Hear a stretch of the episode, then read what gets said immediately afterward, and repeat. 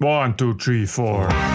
This is the TPO podcast. Het is oorlog bij D66 in Brussel. om oprechte mensen politiek opportunisme, politiek gewin. Dat vind ik gewoon heel irritant. Gewetensvraag treft premier Rutte. Ziet u uzelf nog als de premier die problemen oplost? En de bonusquote gaat over deze U man. bent voor de meest vreselijke dingen uitgemaakt, hè? Die, in die periode.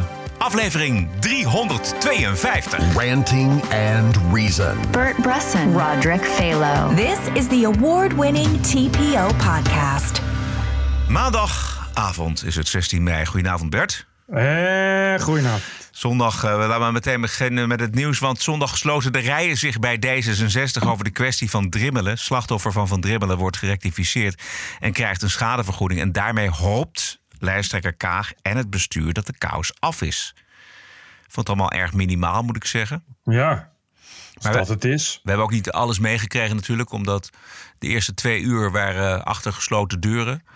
Dat begrijp ik ook wel, want ja, D66 is weliswaar de partij van de transparantie, maar als daar ehm, mensen hun hele hebben en houden over de vrouwonvriendelijke situatie bij D66 ehm, op het bord van het bestuur en van Kaag willen leggen, dan eh, moet dat natuurlijk achter gesloten deuren. Dat begrijp ik ook wel. Maar Maar, er zijn nog meer vrouwen die grensoverschrijdend gedrag hebben meegemaakt in die partij. Ik noem maar eentje. Marleen Wener hebben we in de uitzending gehad. Die eh, tijdens een etentje het onbehouden gedrag van de Rotterdamse fractievoorzitter over zich heen krijgt. Zo zijn er nog Oh ja. een paar. Maar er speelt inmiddels natuurlijk een nieuwe kwestie. En dat is de oorlog tussen Europarlementariërs Sophie in het veld en Samira Rafaela. En dat weten wij allemaal dankzij de NRC. En eh, die eh, Rafaela die heeft ook twee, drie mensen die over haar hebben geklaagd. Ja. Wegens machtsmisbruik. En dat weten we dankzij de NSC. Maar dat hadden we nog niet mogen weten, want het moest eigenlijk geheim blijven tot na die bijeenkomst van afgelopen zondag. Ja. Wat een beetje raar is. Als je het toch over politiek leiderschap wil hebben. Of over een eh, cultuur binnen je organisatie. Ja, en eh, Sophie in het veld, die vond dat ook. Die was dat met jou Juist. eens. Die zei ook van, eh, kom op, laten we gewoon... Maar misschien is het dus wel besproken. Ze waren er wel allebei, zag ik op de beelden. Ja, nu ja. Want nu was het toch al naar buiten. Dus wie weet is besproken. Maar dit werd, de bedoeling was van... Want het is begin mei is dat rapport opgeleverd. Er was een intern onderzoek van D66 naar mogelijk eh, machtsmisbruik en intimidatie en pesterijen door die Rafaela van drie oud-medewerkers. De conclusie van het onderzoek in het rapport was dat dat eh, gegrond was. Dat daar inderdaad daar sprake van was. Dat rapport is begin mei opgeleverd aan het D66-bestuur. En de bedoeling was om er niets over te communiceren tot na die bijeenkomst gisteren. Ja. Maar goed. En Ja. ja, D66, of de NSC heeft dat rapport toevallig in handen gekregen. Heel goed. Eh, maar ja, het is wel een beetje raar dat, het, dat je dat dan zo doet. Ik zou dan eh, net als Sophie in het veld zeggen van ja, eh, neem dat dan mee. Dat is de- toch maar weer een soort doofpot in een, in- van een bestuur dat nou juist daarvoor terecht staat. Voor elk geval. Wat het nou juist daarover moet gaan. Ja, maar nou begreep ik ook dat de commissie integriteitsonderzoeken van D66 deze klachten dus inmiddels grond heeft verklaard. Ja. Eh, eh, wat wil zeggen dat ze het gaan onderzoeken en dus het ligt onder. Ja, in het, in, bij het onderzoek, bij, dat, bij die commissie. Ja, moet je er dan op zo'n bijeenkomst het erover hebben? Weet ik niet. Nou, dat weet ik ook niet, maar je, het is wel. Het, het is eerder dubieus dat het bewust dan onder de pet wordt gehouden tot na die bijeenkomst. Dat zou ik. Doe dan niks, dan kun je altijd nog zeggen: ja, we kijken Ja. wel wat er gebeurt. Ja. En als er dan op die bijeenkomst mensen zeggen, zijn die zeggen: oh, we willen het ook daarover hebben, dat je dan zegt van ja, dat kan nu even niet, weet ik veel wat. Weet je, maar dit is het kwalijke of het domme is dat, dat nu NSC het in handen krijgt en dus NSC dan moet gaan schrijven van was is eigenlijk nog geheim. Ja, dat, dan gooi je natuurlijk gewoon je eigen glazen Ja, in. ja, ja. ja. Maar goed, eh, we weten dus niet. Misschien is het wel besproken. Dat is, dat is wel, wel soort transparant dat we het allemaal, dat we nog helemaal niks weten. Dus ja. Nee. Aan de andere kant hebben we ook berichten gezien waar Chris Alberts op Twitter mee kwam. Van een eh, getrouwe van Samira. Die met veel beschuldigingen kwam over Sophie. Zag je dat? Ja, dat heb ik niet gezien. Maar wat ik wel begrijp, dat was in elk geval, eh, begreep ik uit de teneur van het artikel van NSC, dat die, die Samira en die Sophie in het veld al, al jaren op voet van oorlog eh, Ja. staan binnen de EU-fractie. Maar dat die Sophie in het veld dan alweer vele jaren bekend staat als iemand waar, die met niemand kan samenwerken. Mhm, Waar dan ook niemand mee wil samenwerken. Precies, die Sophie is al jaren de koningin daar en duldt Juist, eigenlijk geen juist. koninginnengedrag van een ander. Ook al Beetje, gaat het eh, om, om een koningin van kleur, hè? want Samira Rafaela is een biculturele mevrouw. Ja, Eh, ja nee, de eh, inclusiviteit binnen D66 eh, is toch al elke keer weer ver te zoeken als het erop aankomt. En ook de, de meelevendheid en de weldeugendheid blijkt er toch een tikje moeilijker op het moment dat het jezelf aangaat en ja, je aan de top van de macht zit. Dan blijkt ineens toch dat Animal Farm eigenlijk zo'n beetje in je genen zit. Ja, de moraal van diversiteit en inclusie heeft een prijs, maar dan heb je ook wat, zou je kunnen zeggen. Ik kwam een gesprek van deze Samira Rafaela tegen op YouTube uit februari vorig jaar. Toen speelde er al van alles tussen Samira Rafaela en Sophie in het veld. En daar horen we dan zo tussen neus en lippen door het een en ander over. Kijk, natuurlijk heb ik ook in deze omgeving eh, ook te maken met, met microagressies. Eh, ik ben natuurlijk jong, ik ben vrouw en ik ben een vrouw van kleur. Ehm, en dan kom ik toch tegen in deze omgeving dat je jezelf soms extra moet bewijzen. En eh, dat, is, dat is lastig, dat is soms zelfs ook vermoeiend. Waar ik wel regelmatig mee te maken heb, is, is onderschatting. Dus weet je, dat je Oh ja. heel erg onderschat wordt in, in wat je kan. En ehm, ja, is dat niet allemaal te veel? Ben je niet te ambitieus? Goh, zou je dan niet dat laten vallen als je dan dat gaat doen? Weet je wel, dat ik af en toe ook gewoon denk... Is, dit nou, is het nou bewuste ondermijning van mijn ambitie? Ja, ja. Kijk, het is een, bedoel, je haalt iemand binnen en het is een ambitieus iemand die wil wat. En dan ja, gaat het opeens sneller met bepaalde onderwerpen. En dan wordt, er, wordt ze afgeremd. Dit is wat je hoort natuurlijk. Het is vraag om problemen. Die mevrouw is ook nog eens eh, begin 30. In de millenniale dramleeftijd.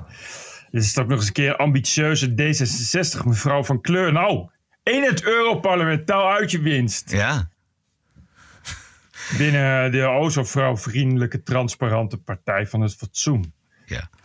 Ik heb nog één fragment. Even zoeken. Ja, Ehm, dat gaat over het opportunisme binnen D66. Ja, ik luister toch op een andere manier naar deze mevrouw. eh, met de wetenschap dat het oorlog is in D66 Brussel. dat je ook gewoon onoprechte mensen tegenkomt. En daar waar het voor sommige mensen veel meer om gewoon politiek opportunisme gaat en politiek gewin, dat vind ik gewoon heel irritant. En dat zijn niet alleen politieke collega's. Ik ben inderdaad intrinsiek gedreven om te werken aan sociale gelijkheid, economische gelijkheid en ja, eerlijke handel en rechtvaardigheid in de samenleving in het algemeen. Ehm, en als je dan merkt dat mensen daar niet, andere mensen daar niet oprecht in zitten, maar je daar wel mee te maken hebt, of sterker nog, je daar op moet bouwen, ja, dan vind ik dat af en toe wel lastig.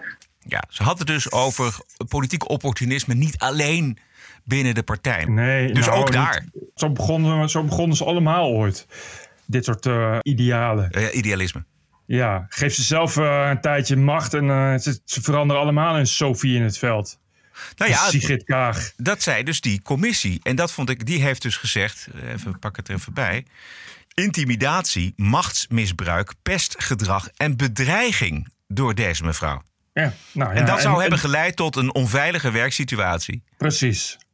Dat geeft toch te denken niet? Ja, en deze reactie zegt Rafaela eh, zich niet te herkennen in de conclusies van het opgeleverde rapport. Nee, en wel met een advocaat te komen. Ja. Dus het is eh, toch wel een beetje volt over. Ja, Wat toch al een soort eh, D66-2 is. ja. Je gaat je toch afvragen of het misschien, eh, misschien allemaal niet te moeilijk wordt voor de dames en heren sociale rechtvaardigheid. Je hoort haar ook in de rest van het gesprek klagen over de blanke en of witte man. die haar niet begrijpt. Maar voorlopig ligt zij overhoop met een vrouw. Dat zouden dus sisters moeten zijn, maar dat zijn ze niet. Nee, ja, maar goed, zet eh, twee vrouwen of meer bij elkaar en het Ja. wordt binnen no time eh, haar trekken en knijpen en gillen en zo. Dus dat lijkt me sowieso een beetje vragen om problemen. Dat Ja. ligt natuurlijk voor de hand. Ja, ze geven niet het goede voorbeeld. Nee, maar ja, dat hebben alle vrouwen. Maar ja, dus, ik denk dat D66 trekt natuurlijk ook wel weer bovenmatig veel vrouwen aan. Dat dan weer wel. Dus, dus dan ontkom je dat probleem niet. Vandaar dat ze ook zo eh, vrouwvriendelijk zijn, denk Ja. ik.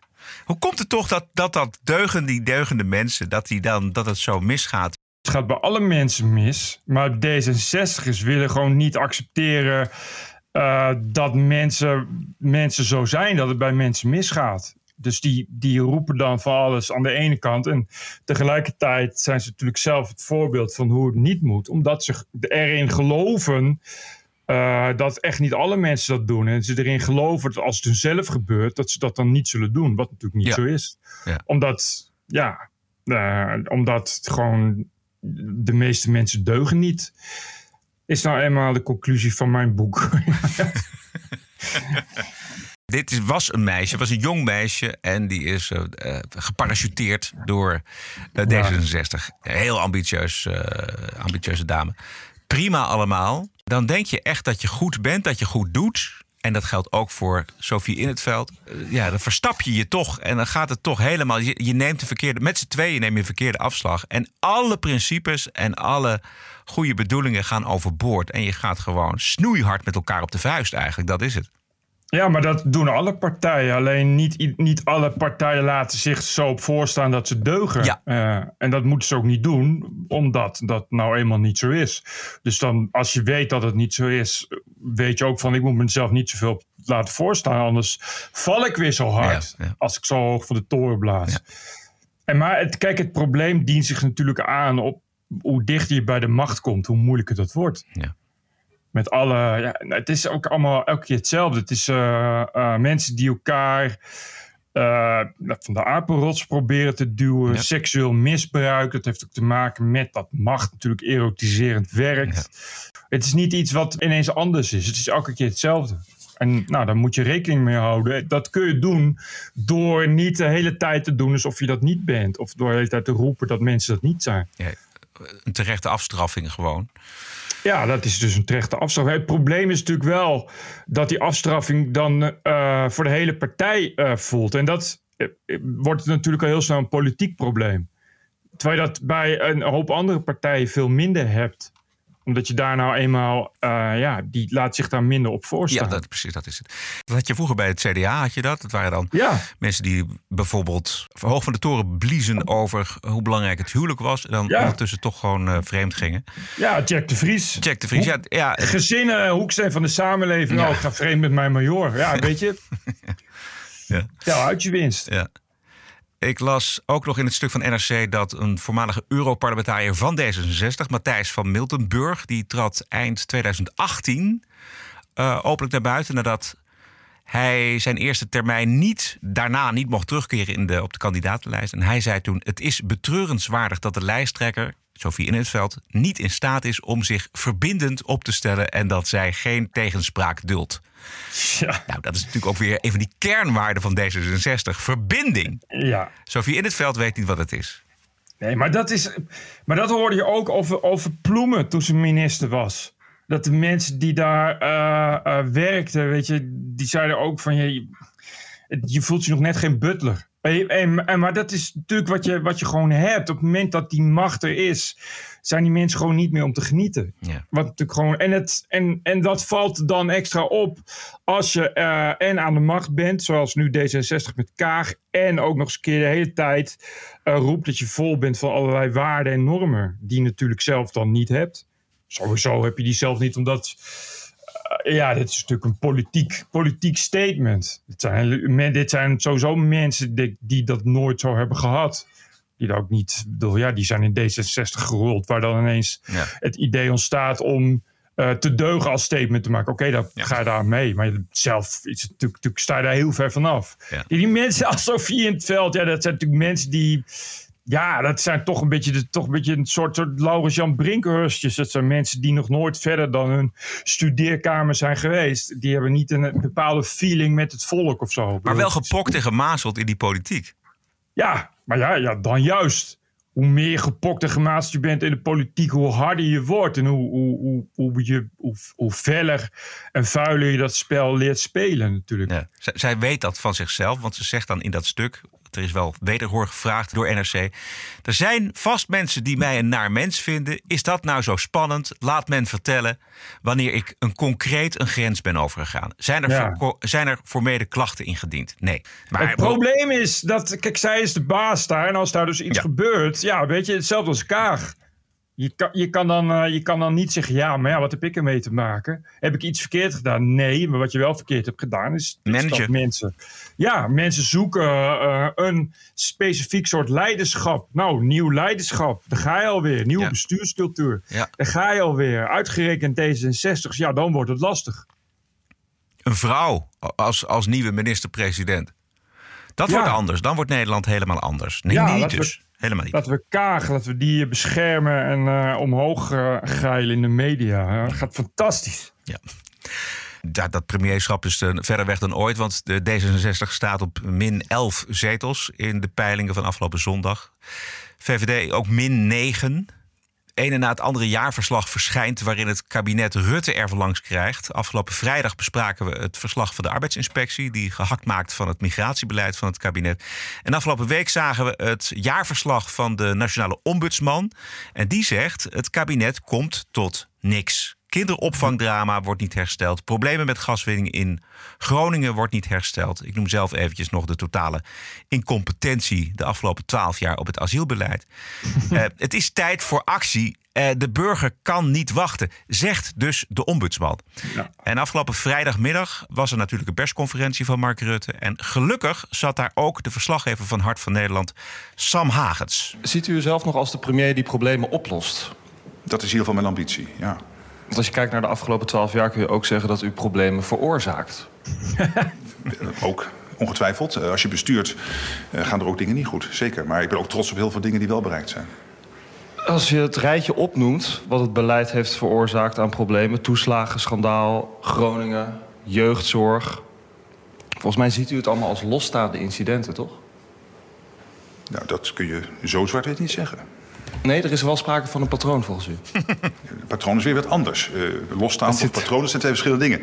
Eh, maar misschien moet u... Ja, ik, nee, ik, denk- ik denk namelijk dat het een patroon is waarbij de burger, de Nederlander, vergeten wordt. Bent u het daarmee eens? Nee. Nee, er is niemand in de politiek die zegt we gaan de Nederlander vergeten. Maar wat je wel ziet is eh, dat eh, als we kijken naar Groningen... en we weten sinds begin, eh, of laten we zeggen sinds de vreselijke aardbeving in Huizingen in 2012... eh, dat eh, de situatie in Groningen een totaal andere is met eh, gaswinning dan we dachten. Het was iets heel moois. En dat is geëindigd in een nachtmerrie. En sinds dat moment is natuurlijk met mannenmacht gewerkt om die gaswinning terug te brengen. Nou ja, die gaat geleidelijk aan eh, nu terug naar nul, gelukkig. Eh, en je ziet dat het ontzettend veel tijd en moeite kost om ervoor te zorgen. Bijvoorbeeld huizen versterkt worden. Hè. Er zijn er eh, nog heel veel huizen die versterkt moeten worden. Er zijn er ook veel versterkt, maar er moet er nog heel veel gebeuren. Tien jaar hebben we het over. We hebben het over tien jaar. Eh, en dat is ook bestuurlijk een enorme zoektocht geweest. En ook daarvoor geldt. Het is een enorm bestuurlijk, een enorme zoektocht geweest om huizen te redden. Daar is tien jaar over gedaan. En Ja. nog steeds Ja. vallen daar huizen in elkaar omdat wij daar gas, Ja. naar gas geboord hebben.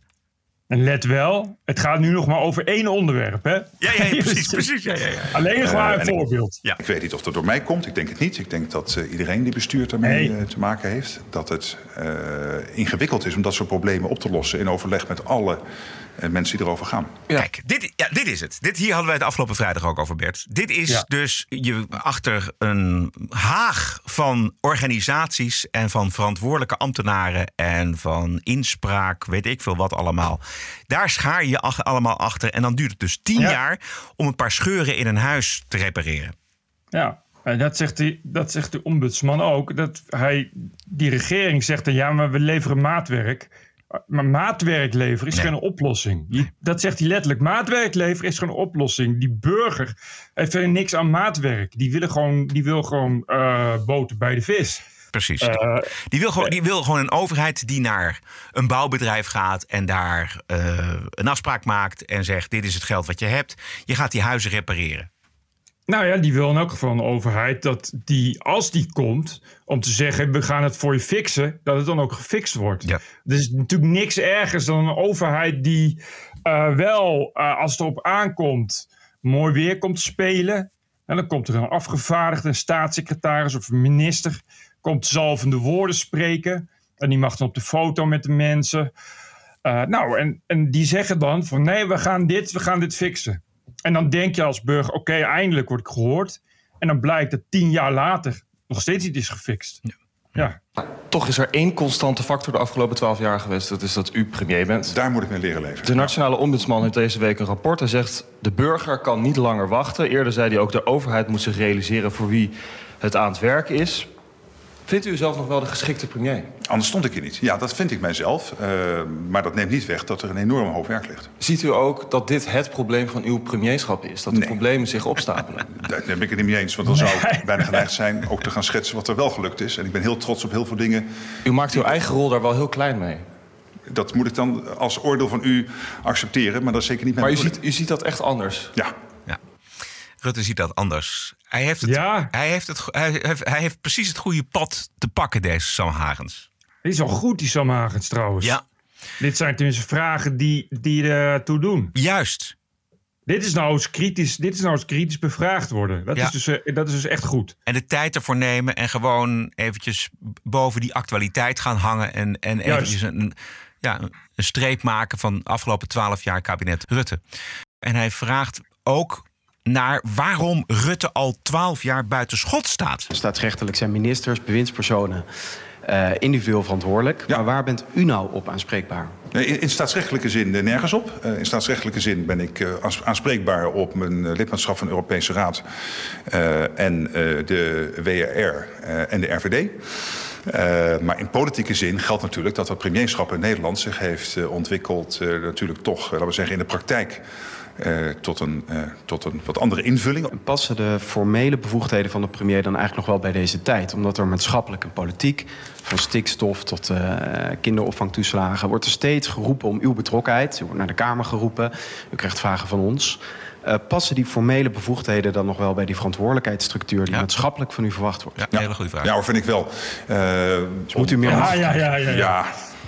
Kijk, maar dan zou je weer een, een hele staatsrechtelijke discussie moeten gaan voeren. En wat, je ook niet, wat ook niet past in het Nederlandse staatsbestel van eh, een primus. We hebben altijd een primus inter pares systeem gehad. Vanaf Het primus inter pares systeem is het leider onder zijn gelijken. Niet iemand met meer macht dan de andere, Ja, maar wel met meer aanzien. eh, 1581 eigenlijk nooit een systeem. En altijd met collectief leiderschap. En daar past niet een, een richtlinie, een competentieachtige oplossing bij, zoals de Duitsers kennen. Ik geloof dat dat hier niet werkt.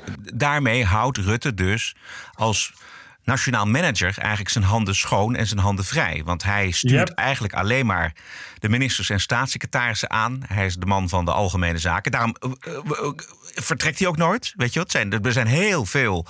Als je dat terugkijkt, die afgelopen twaalf jaar, dan zijn er behoorlijk wat staatssecretarissen en ministers gesneuveld. Die zijn Yep. vertrokken, maar Rutte, ja, die, die stuurt alleen maar aan. Dus Rutte Ja. is nergens op aanspreekbaar. Nooit verantwoordelijkheid. Nee, begrijpelijk vindt hij dat fijn. Want hij heeft maar één doel. Dat is namelijk zo lang mogelijk premier blijven. Kijk, in het buitenland, zoals hij zegt, dus in Duitsland... ja, daar kunnen nog wel eens bondskanseliers... Kunnen, dat is ook wel lang geleden, maar die kunnen nog wel eens eh, struikelen.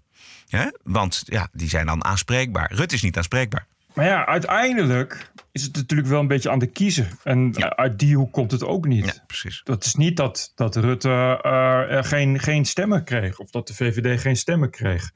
Dus, dus op een gegeven moment moet je daar ook... Je kan het dan wel aan Rutte blijven vragen. Maar eigenlijk zou je die vraag moeten stellen aan de kiezers. Ja. Waarom, waarom kies je daar nog voor? Hoezo, hoezo stem je dan weer VVD? Weet je, dat is de enige manier om Rutte verantwoordelijk te houden.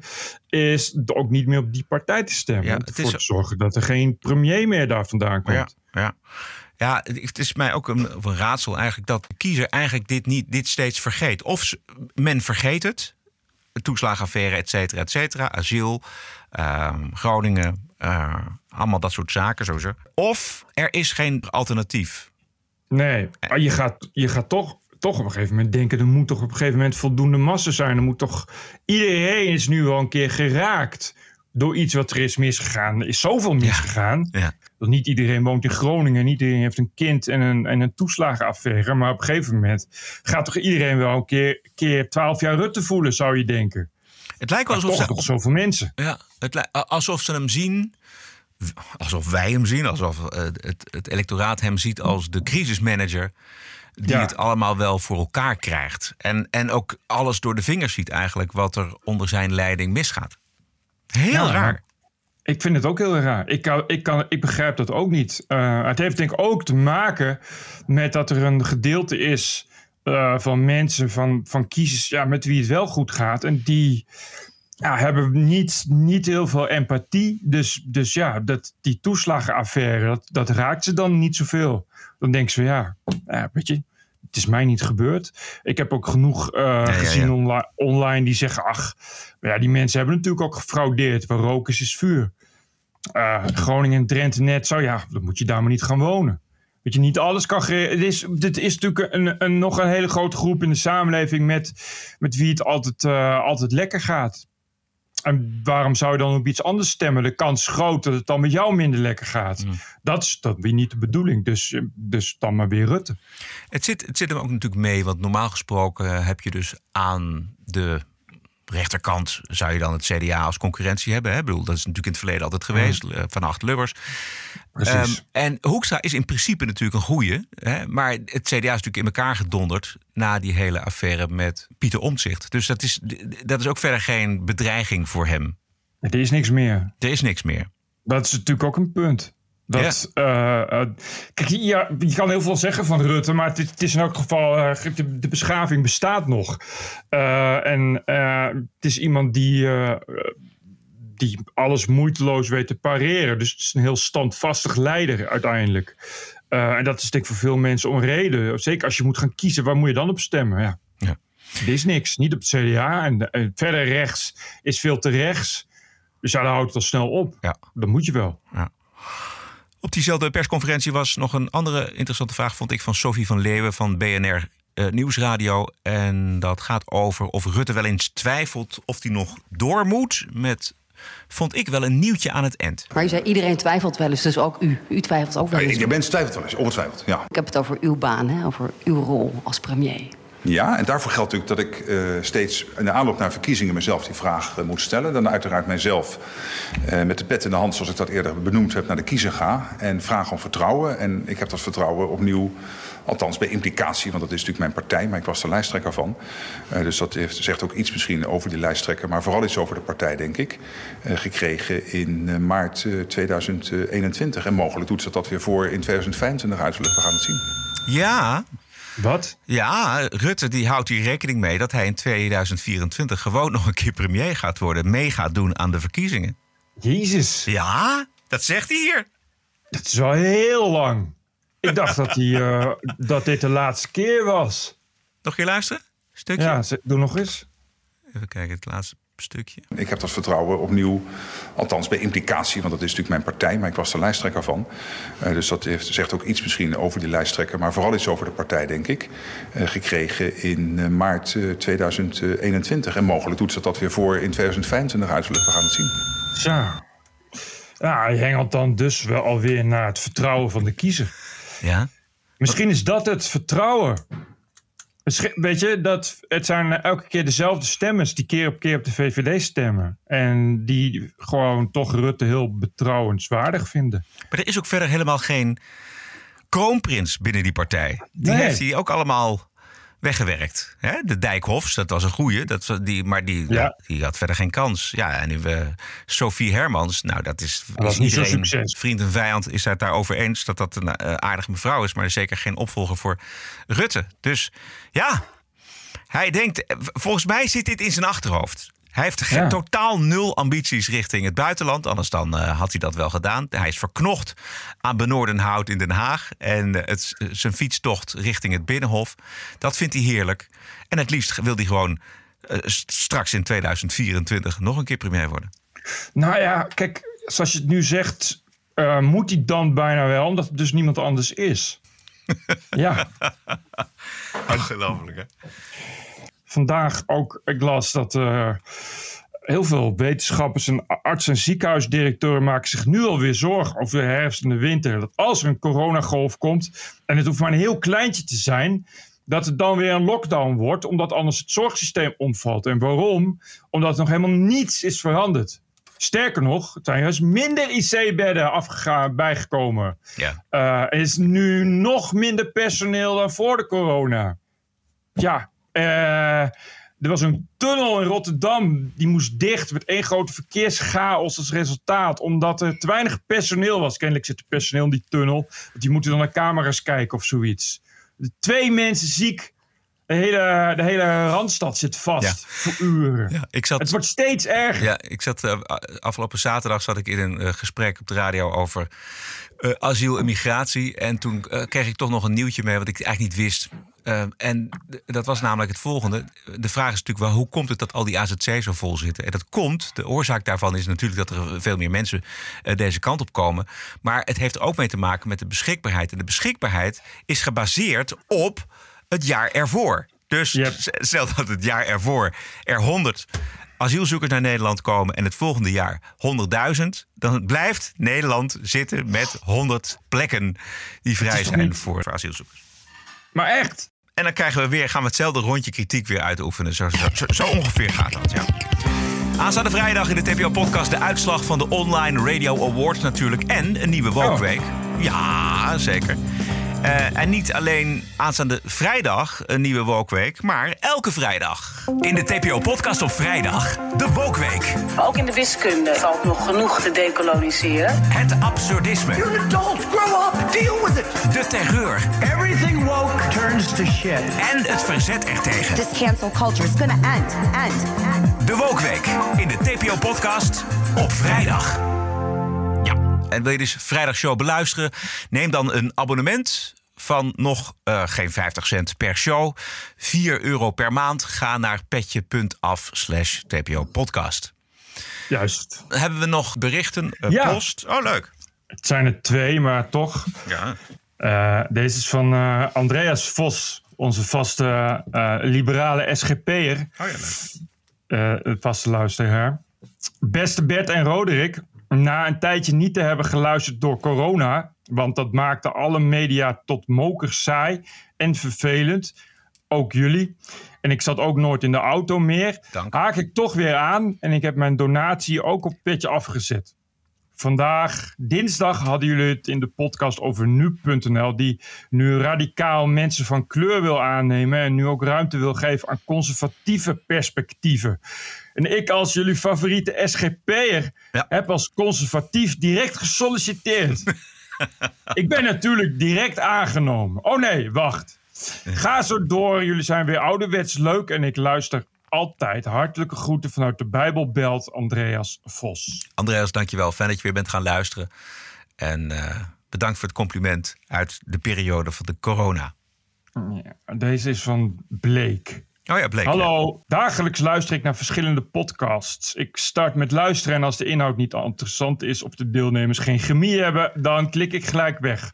Wat dat betreft zijn podcasts als restaurants. Je gaat zitten en als het niet bevalt ben je snel weer weg. Heel goed. Ja. Maar ook bij een goed restaurant kun je opeens verrast worden door iets extra's.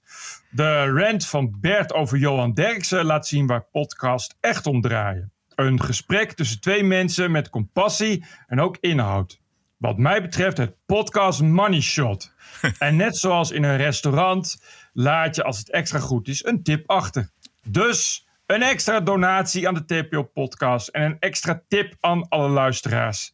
Betaal wat extra als je iets goed vindt. Rent en discussieer ze bleek. Dankjewel, Bleek. Mooi gezegd. En eh, blijf vooral komen in ons restaurant. Want het is waar, inderdaad. Klopt.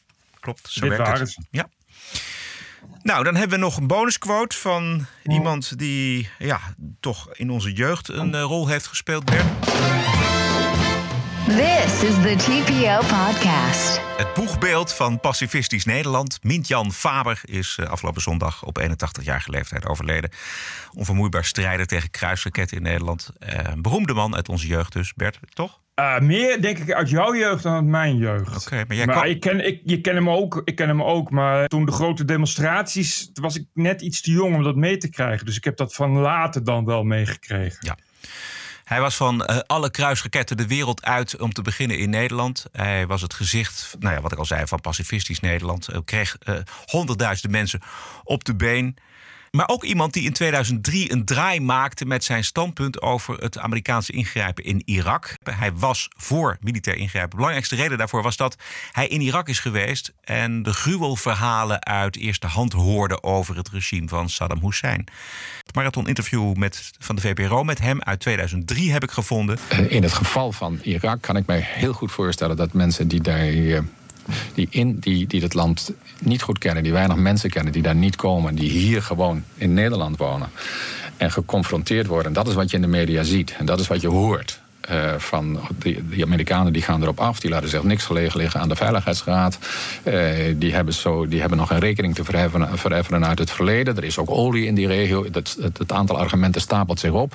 En dat gaat dan straks, daar gaat een oorlog gevoerd worden. En wat richt die oorlog wel niet aan? Aan slachtoffers, aan vernielingen en weet ik wat nog meer. En wat gebeurt er verder in de regio? Wat, wat betekent dat voor Israël en de Palestijnen? Wat betekent dat voor het moslimfundamentalisme? En zo uh, roept dat niet veel meer kwaad op dan, dan er op een of andere manier aan, aan, aan, aan goeds geregeld kan worden. Goeds betekent dan de verwijdering van dat regime. Ik kan me heel goed voorstellen dat je vanuit al dat soort overwegingen zegt van dat moet niet. Voor mij was het probleem dat er kwam een hele specifieke extra dimensie bij. En die ervaring, ik, praat dus, echt voor, helemaal voor mezelf. Ik heb die ervaring ook in mijn eigen club eigenlijk niet kunnen verkopen. Hm. En dat komt omdat hij dus in Noord-Irak is geweest en hij daar met mensen gesproken heeft. En dat, dat, dat vind ik dus mooi. Dat als je, we kunnen natuurlijk, wij doen we ook heel makkelijk. Wij praten gewoon inderdaad uh, twee keer per week op een hele makkelijke manier. Doen we, doen we allemaal vanuit Nederland, vanuit onze positie over de rest van de wereld. Maar als je eenmaal, eenmaal ja, met die mensen in gesprek bent geweest over de gebieden waar je het over hebt, dan komt er een dimensie bij. Ja, uh, en ik denk dat hij ook wel gewoon een realist is, heel erg. Denk het ook, want hij was wiskundige. Oh ja. Het was een, ja, iemand van de, van de exacte vakken. Hij was niet een compromisloze pacifist. Nee, precies. Uh, ik denk dat realisme bij pacifisme niet altijd heel veel goed samengaat. Dus Nee. hij was natuurlijk dan wel een beetje opvallende eend in de bijt. Wat hem ook wel, denk ik, dan uh, succesvol heeft gemaakt. Ja.